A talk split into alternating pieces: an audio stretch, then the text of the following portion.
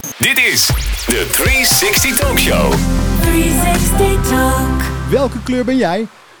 Die vraag die krijg je wel eens binnen het bedrijfsleven. En dan gaat het al snel over DISC. Ehm, onze professor in de DISC is Wietse Bijma. En ik had de eer om met hem in gesprek te mogen. Eh, het werd een leuk gesprek. Een hele slimme jongen. En gelukkig ook een van onze coaches binnen Team 360. Dit is Wietse. 360 Talk. 360 Talk. Wietse, hoe is het jongen? Ja, goed. Welkom bij Ja. Team 360. Dankjewel. Hey, ehm, eh, zo'n team bestaat natuurlijk uit allerlei eh, characters. Hè? Tenminste, zo hebben wij het een beetje bedacht. Ehm, als ik jou zou moeten beschrijven, hoe zou, je dat dan, hoe zou jij dat dan doen? Nou, ik, Gijs die, die noemt mij altijd eh, de professor. en, en, en, en, en ik snap wel waar het vandaan komt. Dus het, het, het eh, heeft ook wat nadelen om zo genoemd te worden. Maar het is wel eh, wat bij me past. Ehm, en wat namelijk wat het inhoudt is dat ik eh, altijd een theoretisch model of een theoretische manier weet om iets te onderbouwen. En dat we weer koppel aan de praktijk voor, voor de mensen. Ehm, en ik denk als je gaat kijken naar al mijn trainingen, ben ik altijd op zoek naar iets wat ik kan meegeven aan die mensen. Wat ten eerste theoretisch onderbouwd is of ergens onderzocht of ergens vandaan komt. Ehm, maar dat meteen ook weer te koppelen aan hun praktijk. Ja, want je bent een DISC-specialist. Klopt. Dus je weet veel van, eh, van DISC. Hoe, als, je, als ik er nog nooit van gehoord heb, wat is het? Uh, DISC is een methode om de verschillende communicatiestijlen en gedragsstijlen van mensen te omschrijven. Ehm, bekendste voorbeeld wat ook in DISC zit, is dat je verschil hebt tussen mensen die meer aan de extraverte kant zitten en aan de andere kant de introverte kant.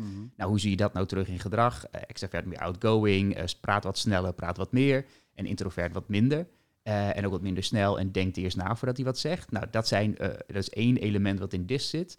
En als je een paar van die elementen combineert, dan krijg je dus een soort ja, communicatiestijl die voor die persoon of voor die kleur, want DISC werkt met kleuren, eh, naar voren komt. En dat zit in communicatie en gedrag. Oké, en, en dit, dit reisje, dit, deze liefhebberij, deze liefde die je hiervoor hebt, voor het trainen van, ehm, van, eh, van teams of van leiderschap, waar is die ontstaan? Hoe, hoe, komt dat zo op je pad? Ja, ik, ik, ehm, ik heb psychologie gestudeerd en eh, dat heb ik gedaan omdat ik altijd interessant vond van waarom doen mensen nou wat ze doen? Wat zit er nou achter? Wat drijft hun? Wat motiveert hun om zich zo te gedragen, om iets te kiezen of nou, om iets te doen?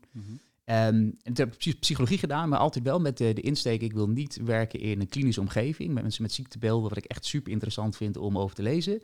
Alleen niet om mee te werken. Dat, eh, nee, dat is, dat is gewoon niet aan mij besteed. Nee. Ik eh, zie het meer in het bedrijfsleven met prestatie, motivatie en leiderschap.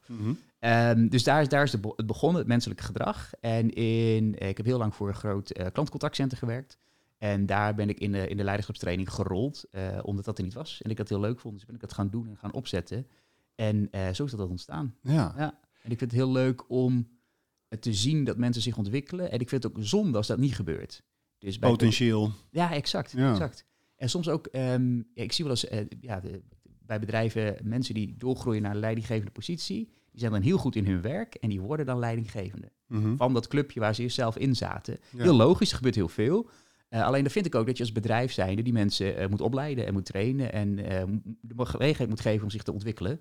En als het niet gebeurt, vind ik dat echt zonde. En dan doe ik dat graag voor ze. Stel, je, stel je voor, ik ben zo'n zo'n bedrijf, ik heb zo'n leidinggevende Ja. eh, die, eh, die heel goed in zijn werk was en die moet nu leiding gaan geven aan een club. Hoe pak je dat aan? Ehm, nou, door dit- leiding is altijd in, het zit altijd in, in twee elementen. Nou, persoonlijk leiderschap. Hoe zet je nou jezelf in beweging? En leiderschap naar de mensen toe die je dan aanstuurt. Hoe krijg je hun in beweging? Dus en je moet jezelf en de rest van de mensen positief beïnvloeden. En hoe ik het aanpak is door inzicht te geven in... Hey, ehm, hoe kun jij nou jezelf eh, eh, motiveren? Wat zit erachter? Nou, dan heb je bijvoorbeeld met de principes die, die, waar ik het net over had, theoretische modellen. Eh, en daar geef ik ze dat inzicht in. En zeg, oké, dit is in theorie is dat model. Dat is mooi, leuk.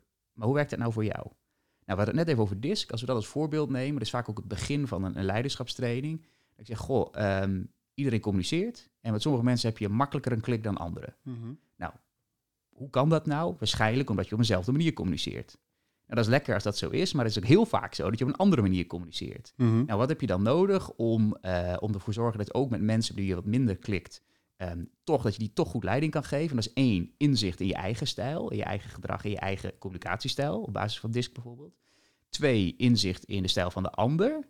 En dan drie, bewust gaan kiezen, hey, hoe kan ik me nou aanpassen aan die stijl van die ander? Mhm. Nou, dat is een voorbeeldje eh, op basis van DISC wat ik doe om die mensen te trainen. En dat doe ik eigenlijk met alles. Dus het begint met inzicht. Hoe werkt het?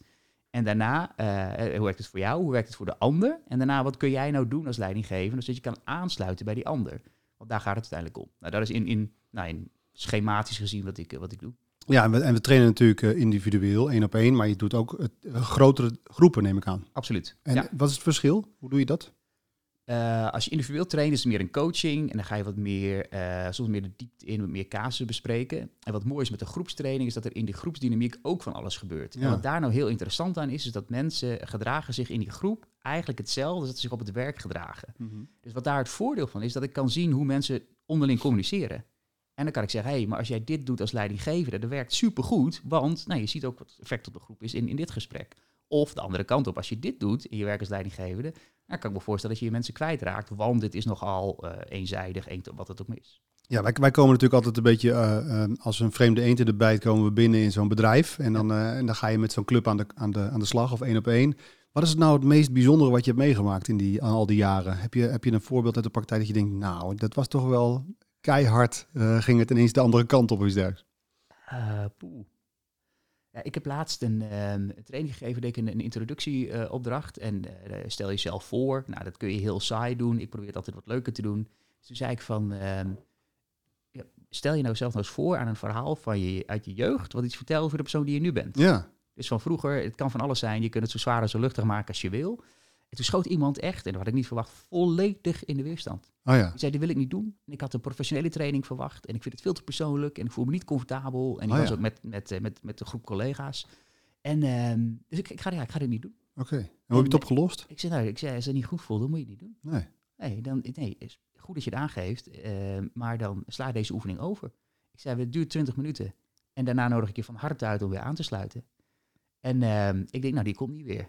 Ik, had, ik denk, nee, die ben ik kwijt. En dat kan, hè. Dan heb je 20 man, je bent één kwijt. Helemaal niet leuk, maar dat Ja. kan gebeuren. Ja.